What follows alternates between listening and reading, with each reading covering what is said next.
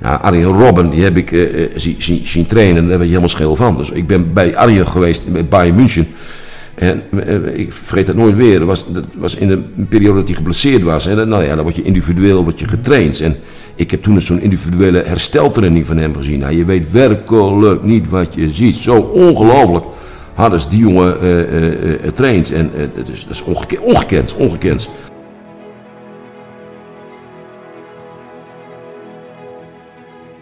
Wij waren in Uruguay en uh, wij gingen erheen.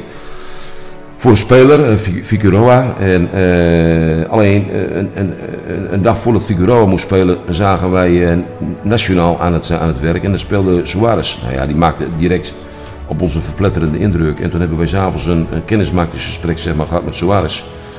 En ja, die jongen die had natuurlijk nooit van FC Groningen gehoord. Sterker nog, had niet eens van Nederland gehoord. En toen vroeg hij ons of dat dicht bij Barcelona in de buurt lag, want daar had hij een vriendinnetje.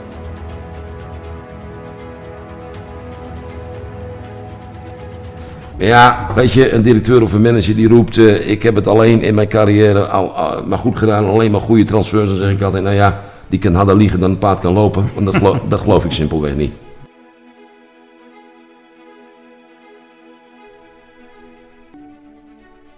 Je hoort fragmenten uit het interview met Hans Nijland, die 23 jaar directeur van FC Groningen is geweest. Met alleen een MAVO-diploma zet hij eerst een goedlopende uitgeverij op, om zich vervolgens zonder enige kennis van zaken in de voetbaljungle te begeven. Door het vak met schade en schande te leren, werd hij uiteindelijk de langstzittende clubdirecteur in de Nederlandse geschiedenis. Naar aanleiding van zijn boek boerenbluff op de transfermarkt, hoor je in deze podcast over de miljoenen deals op de transfermarkt. Waarbij de namen van Arjen Robben, Luis Suarez en Dusan Tadic en vele anderen voorbij komen. En horen we uit eerste hand de achtergrondverhalen over deze onderhandelingen. Veel luisterplezier bij aflevering 36 van de Gouden Graal podcast over het kijkje achter de schermen van de grootste entertainmentindustrie.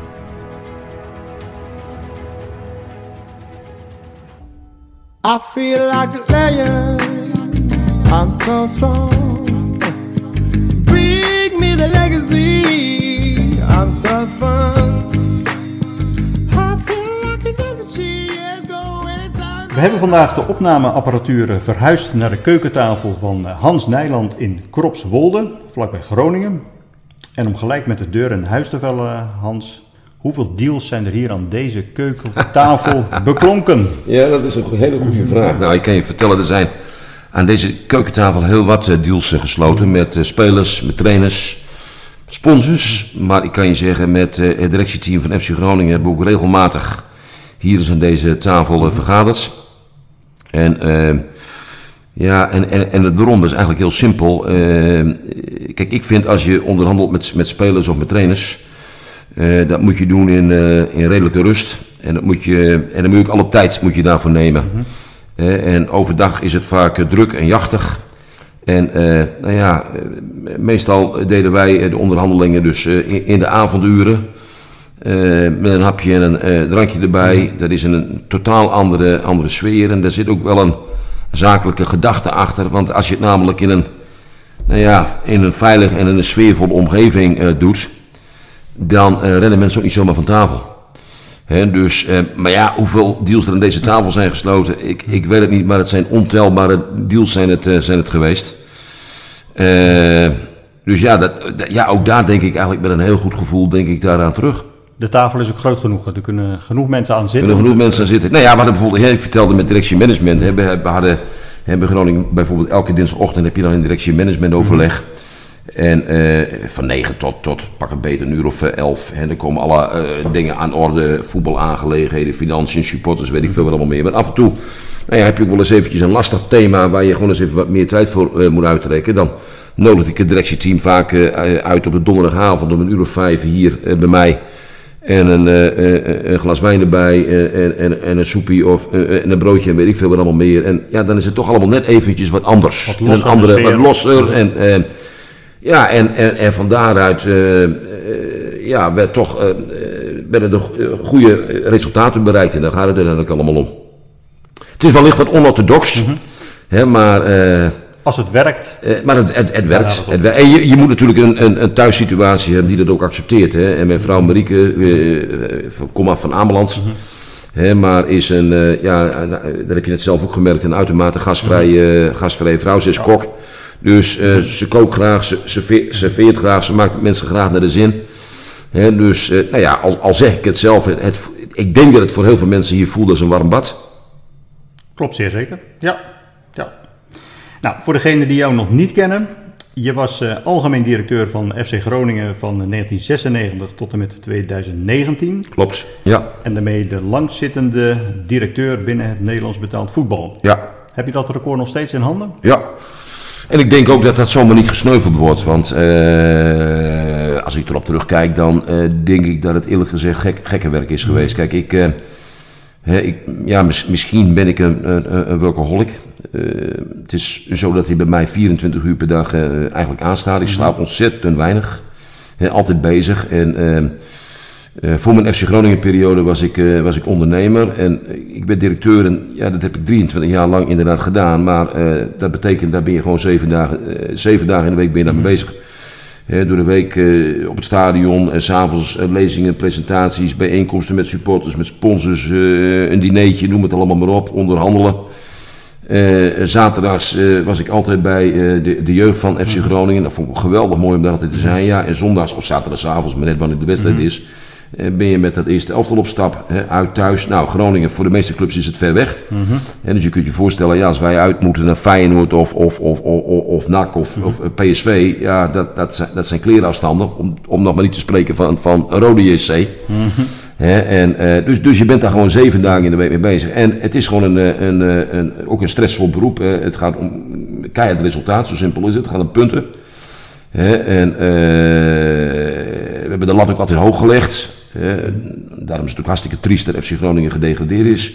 Hè, en, en, maar ook altijd is het een gevecht in het betaald voetbal om geld. Hè, zo, simpel, zo simpel is het. Dus het is een zeer stressvol bestaan. En eh, nou ja, daar heb ik inderdaad eh, 23 jaar lang heb ik dat, eh, heb ik dat gedaan. En met bloedend hart op een goed moment neem je, neem je afscheid. Ik was 58 toen ik stopte.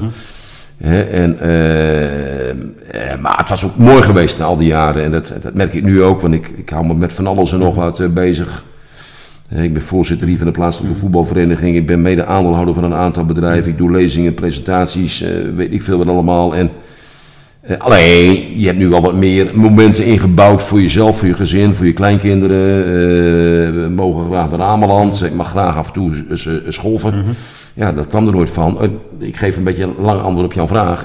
Dus ik, ik denk niet dat er zomaar iemand is die dit eh, 23 jaar lang, of zelfs nog langer dan 23 jaar gaat doen. Ik zal het ze niet adviseren in ieder geval. Om het zo lang te doen. Nou, tijdens die periode van die 23 jaar heb je eigenlijk eh, alles meegemaakt. Van degradatie, tot promotie, het Ja. winnen van de KNVB-beker, Ja, de verhuizing eh, naar het nieuwe stadion eh, de Euroborg en het sluiten van spraakmakende transfers van Luis Suarez, Tadic, Arjen Robben tot en met Virgil van, van Dijk. Nou, in dit interview wil ik met name gaan spreken over de lessen die we hieruit kunnen leren over het onderhandelen. En eigenlijk die iedere organisatie vanuit de voetbalwereld zou, eh, zou kunnen leren. En dat naar aanleiding van het eh, boek wat hier eh, voor ons ligt, wat geschreven is door Tom Knipping, Hans Nijland, Boerenbluff op de transfermarkt. ja. Ik wil je, om nu verder te gaan, een aantal dilemma's voorleggen waar je kort op mag, mag reageren. Supporters, een vloek of een zegen? Zegen. Komt er duidelijk uit. Wie heeft er meer verstand van de kleur van de stoeltjes in een nieuw stadion? Een architect of de supporters? Supporters. Heel leuk verhaal staat erover in het boek. Ja. Wat is belangrijker voor een club? Een positief banksaldo of zo hoog mogelijk spelen? Zo hoog mogelijk spelen, want dat zorgt eh, dan eigenlijk vervolgens ook wel weer voor een goed banksaldo. Wat past beter bij jou? Delegeren of ben je meer een controlfreak? Het laatste, controlfreak. En dat is niet altijd goed. Je had ook iedere dag, eh, wilde je graag eh, de bankafschriften eh, op je bureau hebben. Ja, ik ben een hele ouderwetse ondernemer, dat klopt. En dat vonden ze wel eens lastig, ook bij FC Groningen. En dat ik elke ochtend om acht uur, of kwart over acht, maar de bankopschriften op mijn bureau wou. En ja, dat is, een, dat is ook een, een- Misschien is het wel een tik, ik weet het niet. Maar ja, dat, je zegt het al, een controlfreak. Nou, dan gaan we nu als laatste dilemma nog even een vraagje stellen over je topografische kennis. Ligt Groningen in de buurt van Barcelona? Volgens Suarez wel. ja, ja. Ja, want dit staat ook in je boek eh, beschreven. Toen je inderdaad bezig was te onderhandelen met, eh, met Luis Suarez, toen, eh, toen had hij een vriendin ook in, in Barcelona. En toen zei jij de legendarische woorden. Nou ja, het was wat anders. Wij, kijk, wij gingen naar Uruguay samen met Henk Veldmaten. Hoofdscout Ajax en binnenkort weer eh, de technische man bij FC Groningen. Wij waren in Uruguay en eh, wij gingen erheen. Voor een speler, Fi- Figueroa. En alleen een, een, een, dag voordat Figueroa moest spelen, zagen wij nationaal aan het, aan het werk. En daar speelde Suarez. Nou ja, die maakte direct op ons een verpletterende indruk. En toen hebben wij s'avonds een, een kennismakingsgesprek zeg maar, gehad met Suarez. En eh, ja, die jongen die had natuurlijk nooit van FC Groningen gehoord. Sterker nog, had niet eens van Nederland gehoord. En toen vroeg hij ons of dat eh, dicht bij Barcelona in de buurt lag, want daar had hij een vriendinnetje. En, eh, dus ja, daar hebben we wel handig gebruik van gemaakt. Dat klopt, dat klopt. Het was in ieder geval voor hem dichterbij. Groningen. Ja, was voor hem, dus ja, dus ja wat dat klopt. betreft heb je niet, Ja. niet gelogen inderdaad. Oké. Nou, voordat we op wat andere zaken wat dieper inzoomen, wil ik graag wat, wat dieper inzoomen op de persoon Hans Nijland. Kun je voor ons beschrijven uit welk milieu dat je afkomstig bent? Ja, nou ja, dat is niet zo heel ingewikkeld. Eh, eh, mijn ouders, eh, of wij, wij waren met vier kinderen thuis, waarvan ik de oudste ben. Ik heb nog twee broers, broertjes dus, en een, en, en, en, en een zusje. Mijn ouders waren ook echte Groningers, om het zo maar te zeggen. Mijn vader was, eh, altijd zijn leven lang is hij politieman, bij de politie gewerkt. En ehm, van protestantse afkomst ook, dus ehm, nou ja... ehm, de lagere school en vervolgens ging je dan naar de, naar de MAVO. Hè, had je toen nog, ik voetbalde eh, bij de voetbalvereniging HSC hier in, eh, in, in, eh, in Sappemeer. Eh, ook een echte, een, echte, een echte volksclub. En eh, ik vertelde net, vertelde net al, ik was van protestantse kom, komaf. Dus dat betekent dat toen de tijd eh, voetballen op zondag, dat was not done. Dat gebeurde, dat gebeurde niet, dat was uit een, uit een boze. Sterker nog, ik ging zondags hè, als kwajochie met mijn ouders eh, mee, eh, mee naar de kerk. Zo ging dat. En eh, nou ja, na mijn ma, ik was geen grote, geen, geen, ik was geen, geen goe- goede leerling. Ik had daar ook, een, sterker nog, ik had er een geweldige, geweldige hekel aan. Hè, ik was echt in mijn jeugdjaren, eh, ja, een, een, een qua, qua jongen, altijd voetballen op de, de welbekende schoolpleintjes. met mijn vrienden en, en ook op de MAVO nog. En de MAVO, MAVO 4 heb ik, dacht ik ook vijf jaar over gedaan. En vrij snel na mijn MAVO-diploma eh, ging ik in de in militaire dienst. Eh, kwam ik in Harderwijk bij het Fanfare Orkest van Nathalie. kon redelijk, redelijk aardig trompet, eh, trompet spelen. Dus, en, maar, ja, wij, wij zijn opgegroeid in een, in een redelijk eh, beschermd gezin. En het bijzondere was dat eigenlijk in, in, in onze hele familie zat eigenlijk helemaal geen ondernemersbloed.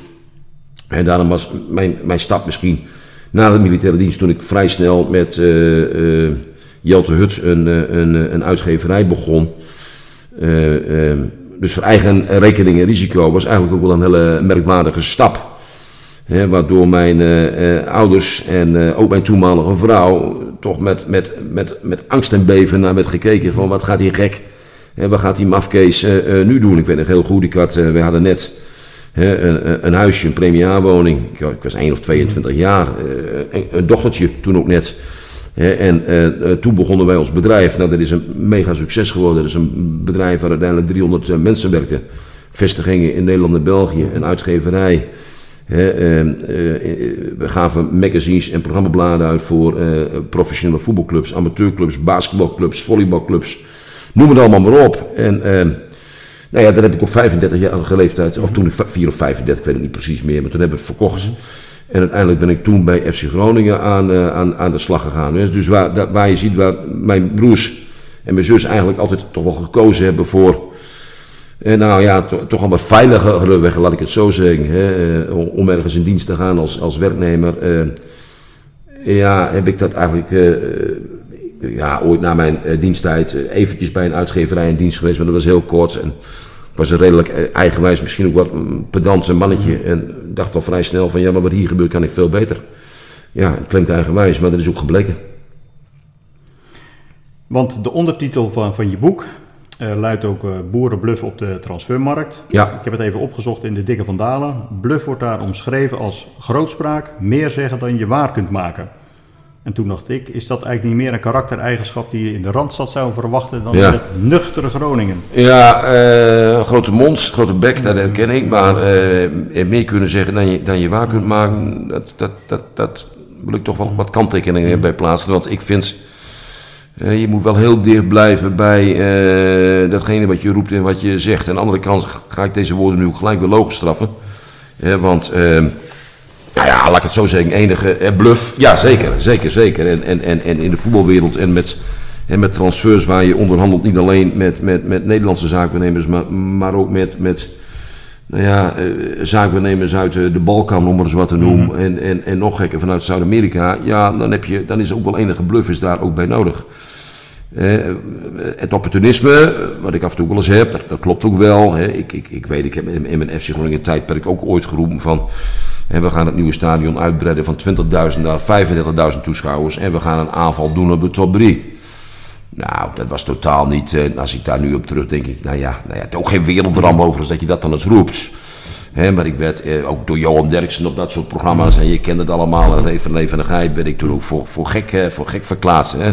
Die mafkees, eh, die trompetist uit Groningen werd, werd, werd geroepen. Maar ja, ik, ik ben wel iemand, ik vind dat je, en dat is niet alleen in de voetbalwereld, maar ik, ik vind dat je altijd moet, moet gaan, eh, het, het maximale eruit moet halen. De hè. lat hoog moet leggen. Ja, de lat hoog moet leggen en, en, en ook bij zo'n voetbalclub. En, maar dat betekent eh, dat, je, dat ik nou ja, veel eisend ben naar mensen om me heen. Hè. Eh, we hebben net controlfreak genoemd. Hè, maar ik ben ook heel veel eisend voor, me, voor, me, voor, voor mezelf. Hè. Je wil het eh, ja, eigenlijk, eigenlijk perfect doen allemaal. En, en dat, dat, eh, dat kan niet altijd. Dat kan niet altijd. Maar eh, bluff, hè, het is niet voor niks dat het boek heet eh, Boerenbluff op de transfermarkt. En, en niet voor niks is ook het voorwoord in het, in het boek geschreven door Luis Suarez. Want ja, die hele deal is natuurlijk wel met de nodige bluff simpelweg tot stand gekomen. Boerenslimheid zou je het ook... Ja, ook noemen. een, stukje boerenslimheid. Ja, dat denk ik wel. Dat denk ik wel. Dan wil ik nu overstappen naar het onderwerp onderhandelen. En daarvoor wil ik je eerst vragen om een, eh, een stuk eh, voor te lezen uit je, uit je boek over een betreffende eh, onderhandeling met de eigenaar van Luis Suarez voordat hij naar FC Groningen kwam. Dat gaan we doen. Ze kwamen op een maandagmorgen en we hebben drie dagen onderhandeld op mijn kantoor. Het waren enorme toestanden. De asbakken lagen vol met peuken. Het stond er blauw van de rook. Iedereen bij FC Groningen vond het hartstikke spannend. Wat gebeurde daar allemaal? Er werd gegooid met kopjes en schoteltjes. Er liepen mensen verhit bellend door de gangen van het stadion. We werden steeds uitgescholden door Fonseca. We waren leugenaars, lafaards en hadden allemaal een psycholoog nodig. Dat hij pas op dag 2 achterkwam dat de voorgestelde bedragen niet netto maar bruto waren, was ook niet bevorderend voor de sfeer. Henk Veldmaten en de financieel directeur bleven redelijk koel onder zijn woedeuitbarstingen, maar ik raakte zwaar geïrriteerd door zijn arrogante houding en onbeschofte gedrag. Mijn zwakke punt is dat emoties soms de overhand nemen. In dit geval stond midden op tafel een groot houten dienblad met benodigdheden voor de koffie, zoals suiker, melk, koekjes en roerstaafjes. Het werd enigszins beschamend toen ik dit optilde en het frustratie naar Fonseca smeet. Hij werd geraakt en ontplofte. Door anderen moest hij in toon worden gehouden. Veldmaten zag de transfer al door onze vingers glippen. Dankjewel. Nou, het is uiteindelijk goed gekomen nog met die, Ja. eh, met die transfer van, van Suarez. eh. Nu schrijf je ook in je boek, er zit nogal wat lucht in de transferbusiness. De prijs van spelers is enorm subjectief. Het is wat de gek ervoor geeft. Ja, Weet jij nog één andere bedrijfstak waar dat ook het geval is? Nee, nee, ik moet je zeggen, niet zo extreem als, eh, als, eh, als in, de, in, de, in- de voetbalwereld. Hè. Kijk maar eens eh, vandaag de dag wat voor eh, idiote, eh, bizarre bedragen er, er, worden betaald. Los van transferbedragen, kijk naar uh, salarissen. Wat Messi nu in, uh, in de zandbak gaat, uh, gaat verdienen. Maar dat gold ook voor Suarez. Ehm, inderdaad, dat staat ook in het boek. Hè, de, de vraagprijs, aanvankelijk vroegen ze 4,2 miljoen hè, voor Luis Suarez. En uiteindelijk hebben we betaald 1 miljoen 585. Mm -hmm. Ja, dat is een bizar groot verschil. Ja. dus daarmee bedoel ik, er zit vaak lucht in en men roept vaak maar, maar wat. Dat is natuurlijk ook heel aardig. Hè? Uh, hoe uh, bepaal je nou een transferprijs? en wat is nou reëel? Nou ja, dat hangt hè, uiteraard af van de kwaliteit van de spelers, maar het hangt ook af van uh, de leeftijd. Jongere, talentvolle spelers betaal je meer voor dan spelers die de 30 of de 30 gepasseerd, gepasseerd zijn.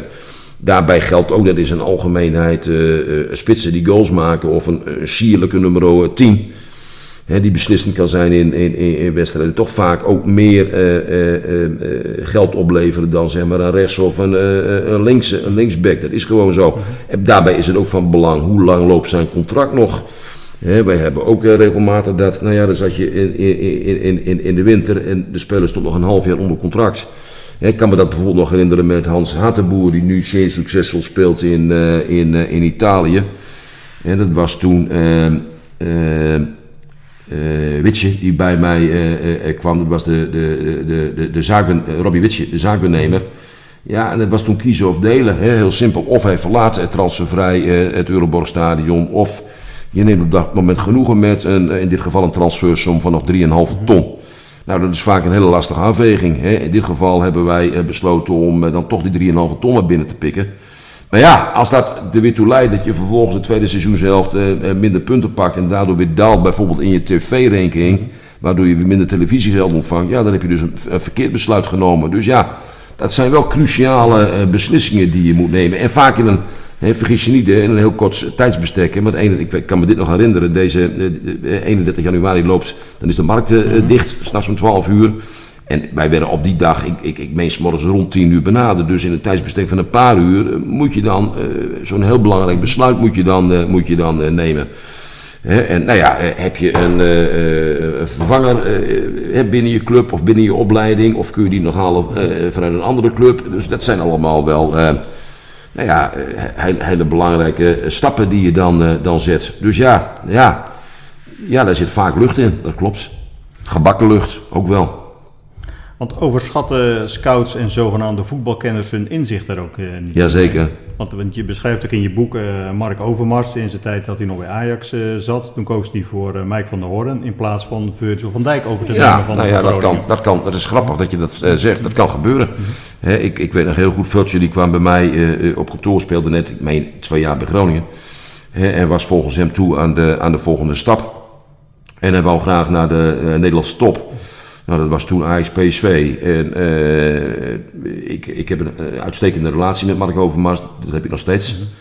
En uh, heel recent alweer contact met hem gehad overigens. En ehm, toen heb ik Mark gebeld. Ik zei, joh, heb jij uh, Veltje van Dijk op je, op je netvlies? hij zei, zeker. Maar ook Mike van der Roorden van Utrecht. En die hebben ze toegekocht, ik dacht voor een bedrag van 4 miljoen euro. Nou, achteraf is dat een, een, een onjuiste inschatting geweest.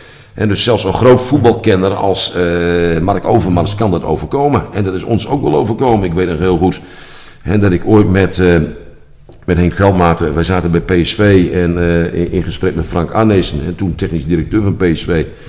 En volgens mij hadden we net Jordi Hoogstraat of zoiets verkocht in PSV. En wij zochten nog een spits. En toen bood Frank Arnezen bood ons aan Huntelaar. En, maar goed, Klaas-Jan Huntelaar. Maar die vonden wij toen op dat moment niet goed genoeg. Mm -hmm. Kun je nagaan. Nou, een week later besloot Riemen van der Velde, hè, onze goede collega van, mm -hmm. uh, van Heerenveen, om, uh, om uh, Klaas-Jan Huntelaar wel te kopen. Ik meen toen voor 100.000, ik dacht gulden nog, 100.000 gulden.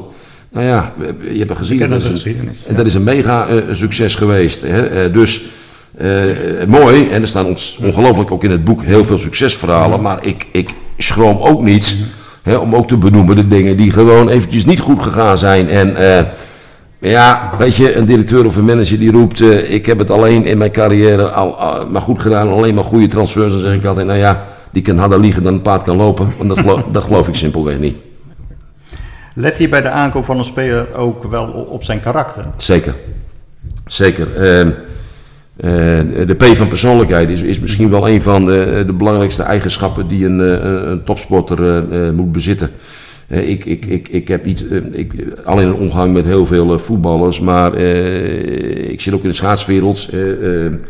een partner van mij, niet, niet in de zin van zoals Marieke mijn partner mhm. is, maar waar ik veel mee optrek is ook Marianne Timmer. Mhm. En drievoudige Olympisch kampioenen waar ik eh, veel mee spar, veel lezingen ook mee, mee doe. Jeroen Otter, waar ik veel mee spar, hè, voormalige bondscoach van het shorttrekken.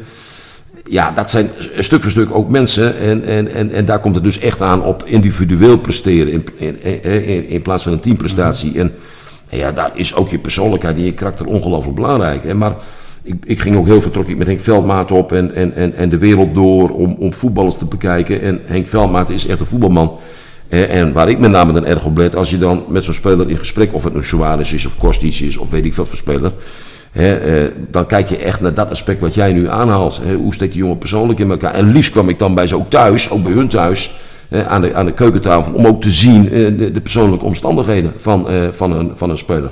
Maar maakt het dan ook uit als hij zeg maar de hele week, bij wijze van spreken, rottigheid zou uithalen, als hij er maar op in het weekend op de zondagmiddag er drie inschoot?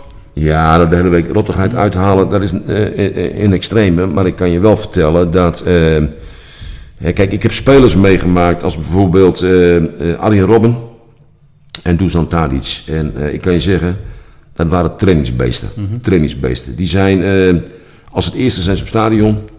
En ik kan me van Dusan Tadic nog herinneren dat die kwam dan op het stadion en, en, en die, direct op zijn matje was hij dan al bezig. En nog voor het ontbijt aan deed hij al weet ik veel push-ups en, uh, en, en, en honderd keer opdrukken. En, en, dus al voor het ontbijt aan, al echt al met zichzelf uh, bezig.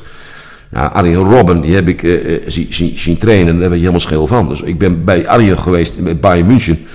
En ik vergeet het nooit weer. Dat was, dat was in de periode dat hij geblesseerd was. En nou ja, dan word je individueel word je getraind. En ik heb toen zo'n individuele hersteltraining van hem gezien. Nou, je weet werkelijk niet wat je ziet. Zo ongelooflijk hadden die jongen uh. En het is, dat is ongekend, ongekend, ongekend.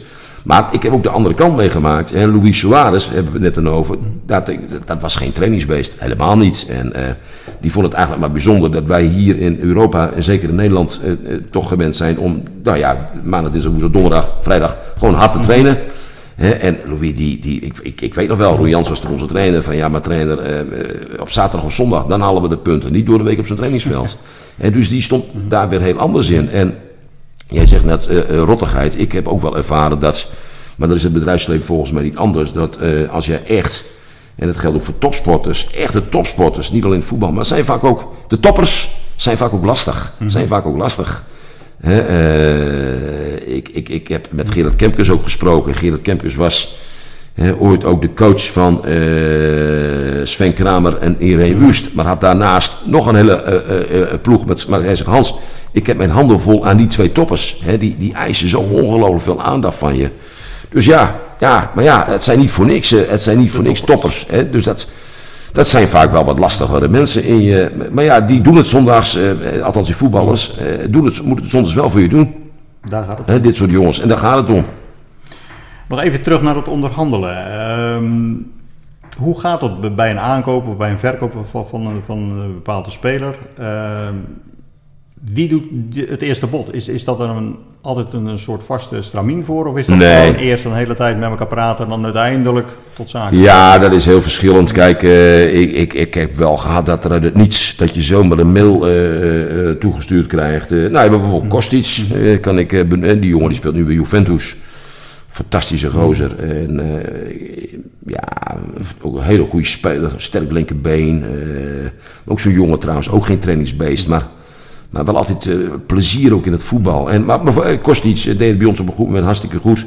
Ja, en uit niets kregen wij toen een bieding van Stuttgart binnen op de mail. Ja, die hebben we terzijde geschoven. Want de, de bieding was 2 miljoen, geloof ik. Of 2,2. Veel te weinig natuurlijk. Maar goed, wat krijg je dan? Op een goed moment gaat ook zo'n zaakvernemer zich ermee bemoeien. En, en, en nou ja, dan wordt de bieding wordt nog eens verhoogd. En hè, dusdanig verhoogd dat het, dat het op een goed moment toch aantrekkelijk is om dan maar eens aan tafel te schuiven. Nou, dan ligt er een bepaalde basis. En, en, zo kom je dan met elkaar aan tafel. Alleen, ik heb altijd geprobeerd in onderhandelingen. En of het nou hier hier aan de keukentafel eh, is of ergens, eh, waar dan ook. Met Kostic hebben we ergens, ik dacht ergens in Düsseldorf gezeten. Eh, om, om, om te proberen altijd, de basis moet zijn een goede sfeer. Dus je gaat aan tafel en, en, en niet direct over die speler of over geldbedragen, maar eens eventjes aftasten. Ik kan me daar nog goed herinneren bij de mensen van Stuttgart. eh, ja, dan heb je het over de Duitse manschaft, over het Nederlands elftal, eh, over FC Groningen, over hun club.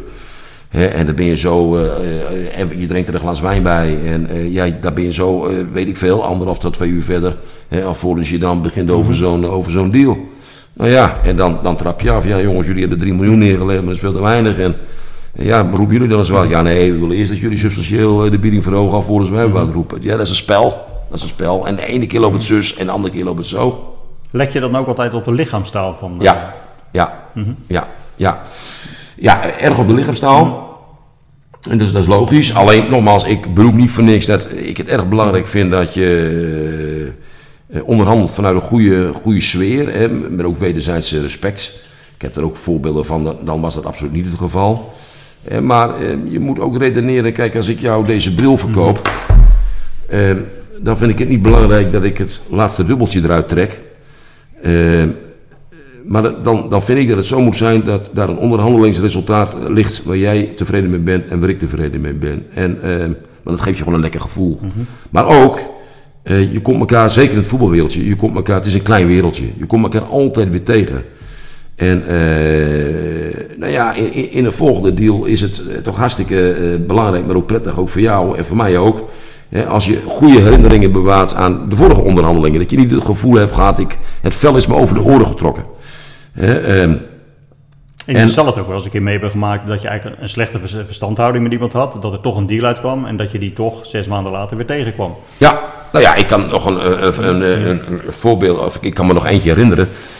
Misschien niet zo spraakmakend, maar het was wel een, eh, een stevige. Dat was, eh, we hebben ooit eh eh, Ch- Chabot gekocht van, eh, van Sparta. En eh, nou ja, die onderhandelingen die hebben we gekocht uiteindelijk voor, ik meen voor een miljoen euro. Het was een linksbenige centrale verdediger. Die hebben we later overigens weer voor 3,5 miljoen doorverkocht aan een club in Italië. Ik weet niet eens meer welke club. Maar eh, met Henk van Stee deden we die onderhandelingen. Hè. Dat was toen de technisch directeur van Sparta. En die, die onderhandelingen liepen eigenlijk hartstikke onplezierig. En eh, ja, waarom? Ik kan, ik kan dat moeilijk, moeilijk onder woorden brengen, maar het was een steeds een geprikkelde sfeer en, en, en we kwamen heel moeilijk bij elkaar. Die onderhandelingen hebben ook heel lang geduurd. Maar ik moet je wel zeggen, uiteindelijk heb- eh, is de onderhandeling, het is afgerond, je maakt een deal. In onze optiek betaalden we toen wel wat te veel. Hè, voor een linksbenige centrale verdediger. Maar goed, de- als je me uiteindelijk dan weer doorverkoopt voor 3,5 miljoen, heb je het toch goed gedaan. Maar uiteindelijk, eh, ja, je komt elkaar in Zeist, in eh, vergaderingen, ECV, weet ik veel. Je komt elkaar dan toch weer tegen. En eh, ik weet nog, toen Henk Verstee eh, vertrok bij Sparta, heb ik hem ook een berichtje gestuurd. Ik kreeg ook onmiddellijk een berichtje van terug. En god, Hans, hè, weet je nog, de onderhandelingen. Hè, uiteindelijk is dat toch weer goed gekomen. En dat is gewoon hartstikke belangrijk. Want is het ook belangrijk dat je wel van de, de tegenpartij voldoende achtergrondinformatie eh, weet? De tegenpartij in de zin Hoe, van... hoe staan ze ervoor? De verkopende of de kopende club? Oh zo. Bijvoorbeeld een Engelse club. Ja, nou ja, Engelse clubs heb je niks te vrezen. Duitse clubs heb je ook niks te, niks te vrezen. Maar eh, nee, dat is heel goed dat je dat vraagt. Wij hebben, ik, ik, ik weet nog heel goed bij, eh bij eh Timmer Tafs. Hè, spits, die hebben wij eh, was 16, 17 jaar uit Slovenië gehaald. Eh, fantastisch jochie. Met topscorer bij ons. Na een hele moeilijke aanloop. Hele moeilijke aanloop. En vervolgens was Napoli, ik kan me nog goed herinneren. Nu notabene kampioen van Italië. Die waren toen geïnteresseerd. En ik ben toen met ik veldmatig gevlogen naar Italië. En wij hebben toen onderhandeld met eh, de Italianen. En we kwamen toen uit op een transferbedrag van 7 miljoen euro. Dat was een fantastisch bedrag toen in die tijd.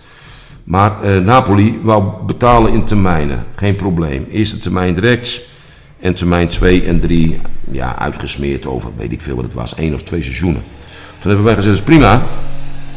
Dat doen we alleen maar als eh, voor termijn 2 en 3, als jullie ons een bankgarantie kunnen overleggen. Dus we ze- maar dat konden ze niet. Ze konden geen bankgarantie overleggen. En eh, waarom wouden wij dat? In, eh, wouden wij dat? Omdat eh, in zijn algemeenheid het betaalmoraal van het Italiaanse clubs, en het zal niet voor elke club gelden in, in Italië, maar voor een behoorlijk aantal clubs, houdt dat niet over. En wij hadden een, een hele slechte ervaring met Genua. Daar hadden we Krankwist aan, aan verkocht. En eh, termijn 2, er waren ook in termijnen. En de laatste twee termijnen eh, hebben we eh, binnen moeten harken door bemiddelingen van, van de UEFA. Dus ja, daar moet je heel voorzichtig mee zijn. In Nederland is het totaal anders. Als jij in Nederland, stel we verkopen een speler aan, nou, beding het maar, een FC Utrecht. Hè, en Utrecht komt zijn betalingsverplichting niet na, dan heb je een soort van meldplicht bij de KNVB. En dan kan het zelfs zo zijn dat als je op een goed moment je betalingsverplichting niet aankomt, dat het verrekend wordt bij de tv-gelden. Of dat je zelfs punten in mindering krijgt. Dus ja, eigenlijk is in Nederland je geld min of meer wel gegarandeerd. Tenzij, tenzij eh, eh, de kopende club failliet gaat. Ja, dan heb je een probleem. Duidelijk. Eh, is het ook zo dat als je zeg maar, een speler verkocht aan de, de traditionele top 3, dat je dan ook wat hoger ging zitten omdat je wist dat daar meer geld Ja. op, op de bank stond? Ja, natuurlijk. Dat is altijd zo. Dat is altijd zo. Nou, daar maak je ook... Dit is logisch als eh, een club als hè, Utrecht, Twente of, of, of, hè, of AZ is ook al gebeurd bij ons komt. Ja, dat is anders dan eh, wanneer eh, het grote Ajax eh, zich, zich meldt. Hè, en waarbij ik wel moet zeggen, ik, ik heb een onderscheid in, in, in, in Ajax en het eh, eh, perioden. Ik heb, of ik, wij hadden een meer dan fantastische verstandhouding met Ajax in het tijdperk Mark Overmars. Daar heb ik net ook al iets over gezegd. En ik heb een hele slechte ervaring eh, gehad in het, in het tijdperk dat Martin Vergeel technisch directeur was bij, eh, bij, eh, bij Ajax. Ik weet nog heel goed toen eh, Martin Vergeel directeur was bij Ajax. Die kwam toen bijvoorbeeld voor ons voor Bruno Silva. Ja, toen gingen wij er met gestrekt been in. Hè, mes tussen de tanden, om het zo maar, eh, zo maar te zeggen. En we gaven geen dubbeltje toe. Nou, in het tijdperk eh, Overmars was dat totaal, eh, totaal anders. En dat was echt, nou ja, wat ik net vertelde over die bril. Eh, je doet een deal. En, en met Mark, dat was ook ongelooflijk. Ik ging met Mark zitten en bij wijze van spreken binnen 10 minuten hadden we een deal over een speler. En dat is met Sierhuis zo gegaan, dat is met Matusiwa is dat zo gegaan, dat is met Zeefuik is dat zo gegaan. Eh, noem ze allemaal maar op. Maar, maar vervolgens ook, hè, er kwam Mark bij ons voor eh, eh, die spits Sivkovic, die nu bij Emmen zit bijvoorbeeld. Nou ja, eh, eh, daar waren we ook binnen eh, een kwartiertje uit. En ja, dan verwacht Mark dan ook van ons dat we ons dan daar eens redelijk in. En, en zo vind je elkaar dan. En eh, ja, zo behoort het ook te zijn. Wordt die weglooptactiek nog, nog vaker toegepast? Ja, dat was in Japan. Ja, nou ja, dat is hier, hier in Europa en Nederland redelijk gebruikelijk. Hè, van joh, je, we zitten een paar uur te hoeren en je komt er niet uit en je schudt elkaar de hand en eh, je gaat uit elkaar en vervolgens dan je stap je auto in en dan word je in je nekvel gegrepen van joh, laten we toch nog eens gaan zitten. En eh, eh, dat was in Japan niet het geval. Daar liepen we dus weg en we werden uitgezwaaid en... ja, en, en, en dat was het. Dat was het. De, Japanners bleven zitten waar ze zaten en liepen niet achter ons aan. En uiteindelijk zijn wij met hangende pootjes eh, teruggegaan. Maar ja, dan ga je met hangende pootjes terug en dan is je onderhandelingspositie niet meer sterk op zo'n moment. Nee, dat, was met Doan. Dat klopt. eh, Oké. Je schrijft ook in je boek, een van de ondernemerslessen, het maakt niet uit wat het kost, het Ja. gaat erom wat het oplevert. In hoeverre had je hierover beslissingsbevoegdheid bij, eh, bij Groningen? Nou ja, daar had ik wel een redelijk, eh, redelijk, eh, redelijk mandaat, eh, kan, ik je, kan ik je zeggen. En dat is ook weer zoiets, dat bouw je natuurlijk ook in 23 jaar bouw je dat op. Je bent algemeen directeur. Alleen, ja, kijk, in tegenstelling, to- toen ik mijn onderneming had, hè, dan ben je mede-eigenaar van zo'n bedrijf. Nou ja, dan, dan, dan eh, handel je ook voor eigen eh, eh, re- rekening en risico. Dus ook, het is ook je eigen portemonnee. In feite, eh, bij, Groningen, ja, het is toch een soort van gemeenschapsgeld. Geld voor sponsoren, voor seizoenkenamers, noem het allemaal maar op. Plus, dat is hartstikke logisch, als directie leg je verantwoording af aan de Raad van Commissarissen. En, eh, maar hè, eh, je bent zo lang al bij zo'n club en ja, dan bouw je ook, dan bouw je ook krediet op. Hè? En, en, en vertrouwen is, eh, is dat. En, maar het is heel simpel. Hè, je hebt aan het begin van het seizoen heb je een, een begroting. Hè, je hebt aan het begin van het seizoen weet je wat je ongeveer te besteden hebt aan transfergelden. Nou ja, en, en, en, en daar heb je je redelijk aan te houden. Hè. En wat ik altijd heb gedaan, als je hè, dan af en toe toch eens, ik noem dat af en toe, dan toch eens eventjes buiten de lijntjes moet kleuren. En dat je, dat je nou ja, net iets meer geld moet uitgeven dan je, dan je eigenlijk met, met elkaar hebt afgesproken. Of eigenlijk past hè, binnen die begroting. Ja, dan vind ik het volstrekt normaal dat je daarover hè, overleg voert met A, je medemanagement, directieleden. Maar B, ook je, je, je oor te luisteren legt bij de RVC, bij de Raad van Commissarissen. Zodat, je, zodat het ook een, een breed gedragen beslissing is. Nou ja, dat vind ik eigenlijk hartstikke, hartstikke normaal. Maar... ehm, en dat zijn natuurlijk ook vaak eh, lastige afwegingen. Hè? Van ja, maar En stel je voor dat we net die ene speler er nog eventjes bij halen. Dat kan net betekenen dat je op de competitie hè, zes of zeven punten meer haalt. Waardoor je net wel die na-competitie haalt. Alleen, alleen, die garantie heb je nooit. Die heb je nooit. En je kunt, je kunt de allerbeste spelers halen. Maar uiteindelijk zijn het, eh, het is het mensenwerk. En het zijn geen... hè, kijk, als, als ik een machine koop in, in, in de machinefabriek, weet ik veel wat. Dan, dan weet ik precies hè, wat de productie is van zo'n eh, apparaat. En hoe lang ik daar eh service op heb. En, en, en een afschrijvingstermijn. En weet ik veel wat allemaal meer. Ja, dat geldt bij mensen is dat natuurlijk totaal anders. Maar nou ja, ik kan wel zeggen dat wij, toen wij Suarez kochten voor 1.585, ja, toen was dat geld er simpelweg niet. Hè, dus dat hebben, wij, dat hebben wij uit de markt hè, moeten halen bij, bij, bij investeerders en bij, bij, bij sponsorrelaties van FC Groningen. Nou ja, dat heeft uiteindelijk geweldig goed uitgepakt. Maar, en daar beschrijf je ook een aantal gevallen van in het boek, het kan soms ook anders eh, lopen Ja. inderdaad. En dat je gewoon, eh, ja, geld eh, is dan verdampt Ja, na afloop van- van de periode. Nou noem je net al, het zijn natuurlijk inderdaad eh, elf individuele spelers. En je moet er ook nog een, eh, een team van zien te maken. Zeker. Nou, daar heb je natuurlijk de, de trainer voor, eh, voor nodig. ja, dat is ook wel een beetje de parallel met, met het bedrijfsleven, met, met andere organisaties. Want er moeten ook mensen op, ja, die moeten sturing geven aan het, aan het bedrijf. Dat aanstellen en dat ontslaan van een trainer. welke rol spelen emoties daarbij? Is dat gewoon keiharde beslissingen nemen van we kijken naar de ranglijst en Nou, nee, eh, nee, nee. eh, nou, emoties niet, niet zozeer, denk ik. eh, dat- en dat klinkt eventjes wat hard. We hebben dat bij Groningen afgelopen jaar ook meegemaakt. Dat een trainer is ontslagen. Alleen, kijk, een trainer die weet op het moment dat hij eh, zijn papiertje haalt, coach in betaald voetbal. Althans, zo heette dat vroeger. En je gaat bij een betaald voetbalorganisatie aan de slag als hoofdcoach. Trouwens, in het amateurvoetbal gebeurt het ook met grote regelmaat van de klok. Dan weet, je, dan weet je dat er ook een heel reëel risico in zit dat je, dat je onderweg eens een keer wordt ontslagen. Dat weet je. Dus in dat salaris zit ook, trainers, zeker in de Eredivisie, die verdienen eh, een bak geld. Een bak geld. Hè, ik denk een trainer bij Groningen, ja, verdient ook een salaris zeg maar tussen de 2,5 en de 4 ton. Nou, dat is heel veel geld. Nou ja, er zit ook, ook best wel wat afbreukrisico in. Wat gevarengeld zit, daar, zit daarin. Dus nogmaals, eh, ik heb niet echt, het is vervelend, maar, maar nooit medelijden met een, een trainer hadden ze wel ontslagen. Want dat, dat risico, dat, dat loop je, dat weet je. Nou ja, wat is voor mij, eh, of voor ons eigenlijk een, eh, eh, natuurlijk staan op de ranglijst. Hè, maar waar, waar, waar je denk ik altijd naar moet kijken van, eh, van hoe zit het? Hè, is, er nog, is er nog harmonie tussen de, de spelersgroep en de, en de, en de trainer-coach? En, maar ook eh, eh, tussen eh, de overige leden binnen de technische staf en, en de medische staf. Kijk, een trainer-coach is vandaag de dag veel meer dan een trainer-coach. Het is ook een soort van manager.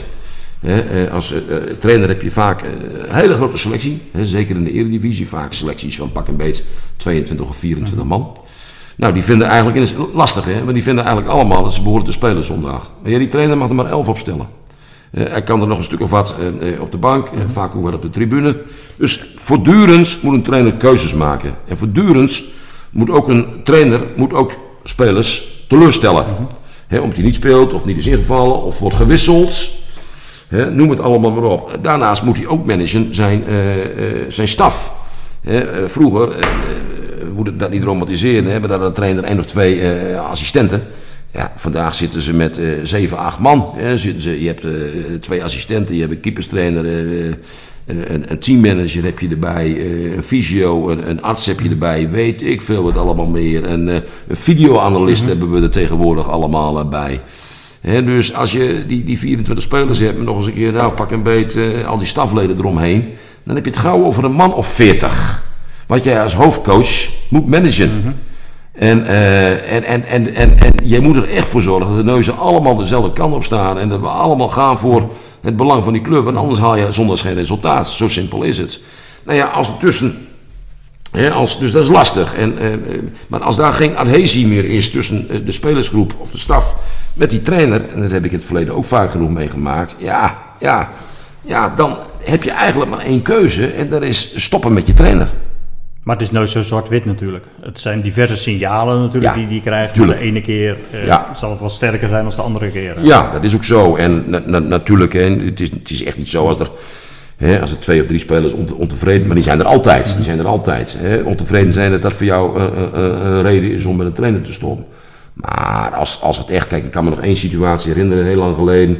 Hè, was Wim Rijsbergen trainer bij ons. Nou, Wim Rijsbergen, eh, eh, 1974 was de, een van de centrale verdedigers in het grote Oranje. Wim Rijsbergen was eh, voorstopper in het, in het grote Feyenoord. Dat was een grote naam, grote naam. Maar tussen, en ik zeg helemaal niet dat Wim Rijsbergen een slechte trainer was. Alleen tussen hem en de groep, toen de tijd, klikte dat voor geen millimeter.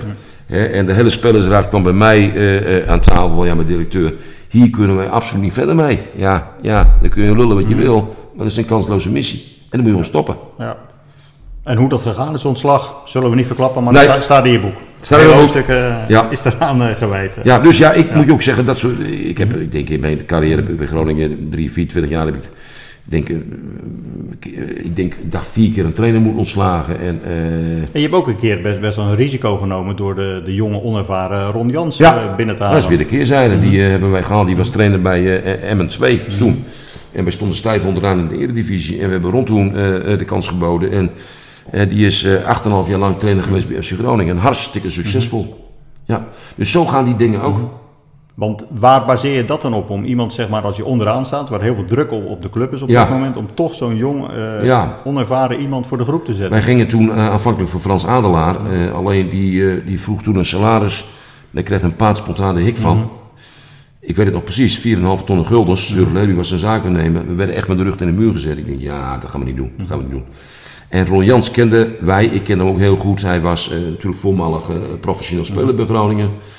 Eh, ik kende hem, ik heb in mijn amateurtijd bij HC nog met hem gevoetbald. Eh, onze vrouwen hadden samen een bedrijf. Dat is natuurlijk niet een reden om iemand aan te stellen als trainer. Hè, maar hij was ook succesvol geweest als trainercoach bij twee hele grote amateurvoetbalverenigingen. ACV en Achilles en Assen. Zelfs met een van die clubs nog kampioen van, eh, Nederlands amateurkampioen geweest. Slimme jongen. En nou ja, alles bij elkaar opgeteld was dat voor ons eigenlijk, hadden wij het, het vertrouwen in Roy Jans. Nou, achteraf is er ook dubbel en dwars terugbetaald. Heb je dan ook nog moeite om dat aan je achterban eh, te verkopen? Jazeker, dat was toen, eh, dat, we stonden niemand begreep daar een, eh, een moer van. Ik ben, op maandag hadden we een persconferentie. Hè, maar nou ja, één ding, Ron is ijzersterk in, in, het, of in het bespelen van de pers. En gewoon een machtig. En dat was toen eigenlijk vanaf dag één eigenlijk al zo. En ik kan me dat nog heel goed herinneren dat de noordelijke media na de eerste zijn persconferentie vonden ze het allemaal toch een verrekte interessante keuze. Ja, en Ron was ook vanaf dag één succesvol. Dus natuurlijk, je omgeving is eh, sceptisch, eh, soms negatief. Hè, maar vrij snel, eh ja, Ron werd mateloos populair bij supporters en bij de pers. En, en, en, en, en, eh, gewoon een boegbeeld ook geweest voor de club. Dus ehm, ja, ja, dat kun je maar op één manier, dat is heel simpel, maar op één manier logisch straffen. En dat is resultaten. En dat hebben we toen gedaan. Je bent ook wel eens op eh, sollicitatiegesprek geweest bij eh, Jan Timmer, de grote Ja. man van, eh, van Philips. Ja, PSV. Ja, dus voor een functie bij, bij PSV inderdaad. Hoe verliep dat gesprek bij Jan Timmer? Dat was geweldig. Ik had eh, daarvoor al een gesprek met eh Schuitema gehad. Schuitema was toen de vice-president van PSV, Raad van Commissarissen. En dat was in Woudsend in Friesland. Daar had hij een, een, een zomerhuisje. Nou, dat was eigenlijk een hartstikke goed gesprek. En daar kwam het voort dat het een vol- vervolggesprek werd met Timmer. En met ook weer Schuitema bij Timmer thuis. Ik meen dat het was in Oosterwijk, kan ik me nog herinneren. Ja, en ik weet nog, ik reed er naartoe en onderweg werd ik gebeld door Schuitenma. Hij zei, Hans, ik moet je toch voor ding waarschuwen. Hij zei, die Timmer is wel een bijzondere man. En het kan zomaar zijn, als die jou niet moet, dat je binnen vijf minuten weer op straat staat. Ik zeg, ik zou jou even vertellen, als ik hem niet moet, ik vind dat het gesprek niet lekker loopt. dan kan het ook maar zijn dat ik na vijf minuten zeg van Toerledook, ik ga er vandoor. Dat was geen grootspraak, dat was geen boerenbluff. Hè, maar eh, ik had niks te verliezen, want ik had, er, ik had het geweldig naar mijn zin bij Groningen. Nou, dat gesprek was, was hilarisch, dat was boeiend. Eh, dat is een man die ongelooflijk veel te vertellen heeft. Ook grote industrieel, daar ben ik altijd zeer in geïnteresseerd. En, en eigenlijk werd het helemaal niet een soort van sollicitatiegesprek, maar veel meer eigenlijk een, een, een, een, een gesprek en een verhaal over wat hij allemaal in zijn eh, carrière, eh, grootste carrière, die, eh, de actie Centurion, toen het achter de rug bij Philips, hoe hij het allemaal heeft beleefd. En ik zat er om 11 uur, geloof ik, tot 4 uur 's middags. En om 4 uur vroeg hij mij van, Nederland, zullen wij een glas rode wijn drinken? ik denk, nou ja, laten we dat maar doen. Ik heb niks. En, en dat zijn we toen gaan doen. En zijn volgende vraag was: kunnen wij Nederland wel betalen? Of moeten wij Nederland betalen? Ik zei: Nou, meneer Timmer, dat is niet zo ingewikkeld. U vraagt mij voor de meest verantwoordelijke positie binnen PSV. Dus dat moet dan ook een na van de hand zijn bijbehorend salaris zijn. Dat is het enige juiste antwoord. nou ja, toen ging ik naar huis en ik zou vertellen, ik was eigenlijk echt wel enthousiast. Wij woonden toen hier al. in het mooie optrekje. En ik heb toen eh Marieke, mijn vrouw, komt van Ameland gebeld. En zei, joh, ik ga naar PSV, eh, dus we gaan verhuizen naar eh, eh, Eindhoven. Ik ben over 2,5 uur thuis. Kijk jij vast op Funda. En, dus ik kwam thuis en Marieke zat hier met twee glazen wijn. En Funda had allemaal al huizen uitgezocht eh, in, in Eindhoven. En, maar, maar gaandeweg de dagen daarop volgend werd ik eigenlijk toch steeds wat, wat minder enthousiast. En dat had met twee dingen te maken. Mijn gevoel was, ik ben nog niet klaar bij FC Groningen. Ik ben gek met die club, ik hou van die club. En twee was, ik was nog niet eh, zo lang, of een paar jaar daarvoor was ik gescheiden. En mijn kinderen hadden het daar vrij eh, lastig mee, woonden, behalve dat Stef, maar hier allemaal ook in het noorden. En toen had ik echt zoiets van, nou ja, dit, dit, dit bij elkaar opgeteld, dit moet ik op dit moment nog niet doen. Nou ja, ik kwam op woensdag thuis en ik zei tegen mijn vrouw, ik heb toch wat twijfels. En toen zei Marieke, joh, geen gelul. Dan moet je er ook geen nacht meer eh, eh, wakker van gelegen. Dan moet je nu de telefoon pakken en je belt Schuitema en heel simpel. En je vertelt wat je niet gaat doen. Al dus geschieden, zo hebben we dat gedaan. Dus eigenlijk het verschil tussen je hoofd en je hart. Ja, ja, kijk, achteraf heb ik daar spijt van. Nee, nee. Ik heb er geen spijt van. Hè, want ik heb daarna ook nog geweldige jaren bij Groningen gehad. Alleen achteraf vraag, hè, dat geldt ook voor een sporter. Hè, waar ligt eh, voor een sporter nou zijn, zijn uit, uit- uiteindelijk, waar, waar lig je nou je, eh, wat, is, wat, is de, wat is de max wat je eruit kunt halen? En dat heb ik mij, vraag ik me ook wel eens af. Had ik, want dat heb je toch echt over een, eh, nou ja, zeker toen in die tijd, een, een, een Europese topclub. Eh, eh, had ik dat gekund? Hè, had ik dat gekund? Eh, het is natuurlijk een totaal andere club dan, eh, dan FC. Had mijn, had mijn manier van leiding geven, eh, had dat ook gepast in het, in het, in, in, eh, binnen zo'n club, binnen zo'n organisatie? Nou, dat is een interessante vraag. Nou ja, het antwoord daarop eh, Zullen we nooit weten. zullen we nooit weten. Je hebt voordat we starten met dit interview al eh, de beker ontvangen. Deze keer niet een, een KNVB-beker, maar de, Ja. de Gouden Graal eh, podcastbeker. Ja, leuk. Dank. Nou, voordat we hiermee eh, op de foto gaan, heb ik nog een, een slotvraag. En ik weet dat je geen vergadertijger bent, Nee. maar dat zou je nu toch even opzij moeten zetten. Als je één dag voorzitter van de FIFA zou zijn, welke spelregel zou je dan onmiddellijk willen veranderen? Nou, dan zou ik eh, over spelregel. Ik zou eh, eh, onmiddellijk kappen met. kijk, voetbal is op dit moment nog meer dan, dan het ooit geweest is: commercie en geld. Eh, en ik moet je zeggen, ik, ik verafschuw het. hè, het afgelopen WK in de winter in dat land daar. En. het is allemaal omwille van, van, van, van de centen. Van de centen, zo, zo simpel is het. Kijk, ik ben nog een redelijk ouderwetse eh, eh, eh, in, in, de, in, de, in de tijden 70, 80. En je moet uitkijken dat dit geen oude lullenpraat wordt. Maar dan had je nog de Europa, ouderwetse Europa Cup 1. Hè, voor de landskampioenen. Europa Cup 2 had je toen voor de bekerwinnaars. En je had de UEFA Cup, waar toen de tijd FC Twente heel vaak aan meedeed. En het was, dat was gewoon hartstikke leuk. En voetbal kwam toen ook pas live op televisie als ook de stadions waren uit, uitverkocht. Als je nu ziet, de enorme. eh, en natuurlijk heb ik gisteren gekeken naar eh, Real Madrid. eh, of nee, een tijdje terug gekeken naar Real Madrid, Manchester City. Fantastische wedstrijd. Maar je wordt zo overvoerd. Als ik zie dat overwogen wordt om een WK dames in Saoedi-Arabië te, te gaan organiseren, denk ik. Wie bedenkt dat? Het is allemaal omwille van het, van het, van het geld. En eh, nou ja, daar en, en, en dat soort dingen zou ik heel graag. Hè. Voetbal is een, een prachtig mooi spelletje. En dat, eh, dat speel je voor, en je vroeg me er ook iets voor supporters, dat speel je voor supporters en publiek. Dan, eh, eh, nou ja, dan zou ik dat toch heel graag, heel graag anders zien. Dat we dat wat, wat realistischer en wat publieksvriendelijker gaan benaderen. Duidelijk. En dan toch nog even, als je één spelregel zou mogen aanpassen. Oei, oei. Nou ja, ik, ik, ik, ja ik, ik heb wel eens gezegd, joh, schaf, eh, maar ik weet het niet. Ik vind het spel, ik, ik moet eerst zeggen, ik was, ik was aanvankelijk gewoon zo'n zo voorstander van de VAR, moet ik je heel eerlijk, heel eerlijk bekennen. Eh, maar dat is bij mij toch wel bijgedraaid. bijgedraaid. En eh, ja, ik heb ooit wel eens gedacht van, joh, eh, zou het niet interessant zijn om eh, bijvoorbeeld te gaan voetballen zonder de buitenspelregelen? Hè, en eh, in mijn optiek maakt het, eh, het, het allemaal nog opener. En, eh, en, en ik denk dat je daarmee nog meer doelkansen realiseert. Maar nee, eigenlijk de spelregels zoals we het nu kennen in het voetbal, dat kan ik me, kan me nog herinneren vroeger. Hè, toen de bal op de keeper, mocht de keeper de bal nog in de hand pakken. En dat vonden we ook allemaal vreemd. Dat er op een goed moment anders werd en dat dat allemaal niet meer mocht. Maar eigenlijk is het er wel spectaculairder door geworden. Dus ik vind het eigenlijk wel mooi. Ik vind het eigenlijk wel prima. En als ik dan toch een voorzet eh, mag geven, zuivere, zuivere speeltijd, zoals ze bijvoorbeeld eh, in hockey en andere sporten wel hebben. Zou je daar een voorstander van zijn? Want dan zijn we ook al af van heel vaak eh, niet, niet de echte blessures, noem het maar, het, het tijdrekken. Ja, Of vind je Ja. erbij horen? Nee, ik vind, ik vind dat. dat is nu al redelijk bijgetrokken. Hè? We hebben tegenwoordig notabene dat we zomaar 10 minuten extra speeltijd hebben. Dus ik vind dat hoort er ook allemaal een beetje bij. Dat is ook een beetje de. Eh, voetbal moet ook een show zijn en, eh, en, en, en dat is het. En, eh, nee, ik, ik, ik kan me nu in, de, in, de, in deze regelgeving zoals het nu gaat. mm, Hè, ik, ik, ik zie nu gewoon dat tijdrekken ook, ook, ook, ook vaak mm, bestraft wordt in de zin van extra speeltijd. Dus ja, nee, ik vind het. Ik ben met de huidige regelgeving, hoe het nu in het voetbal is, vind ik het prima. Alleen het moet wat minder op geldbelust zijn. En, en dat klinkt heel raar uit mijn mond, dat weet ik ook wel. Maar, maar eh, nou ja, dat is, zo, zo sta ik erin. Dan wil ik je bedanken voor dit, eh, voor dit interview en voor het, eh, het kijkje wat wij achter de schermen van de voetbalwereld hebben mogen, mogen krijgen. En voor degenen die nog meer willen weten, kan ik het boek van harte aanbevelen. Boerenbluff op de transfermarkt, geschreven door Tom Knipping. En, dankjewel voor de gastvrijheid. Graag gedaan.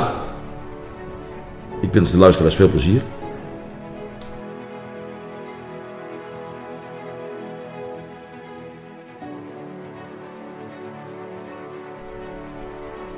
Je hoorde het interview met Hans Nijland over zijn ervaringen en anekdotes gedurende zijn 23 jaar als de langstzittende clubdirecteur van Nederland bij FC Groningen.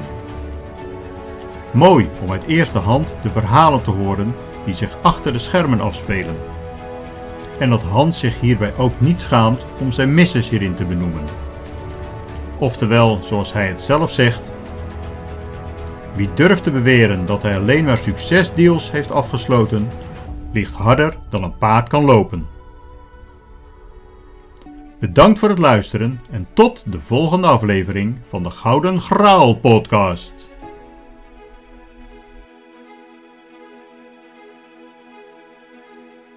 I feel like a. I'm so strong. I'm suffering. I feel like an energy is going inside my mind. Easy, I'm suffering. Come on, let me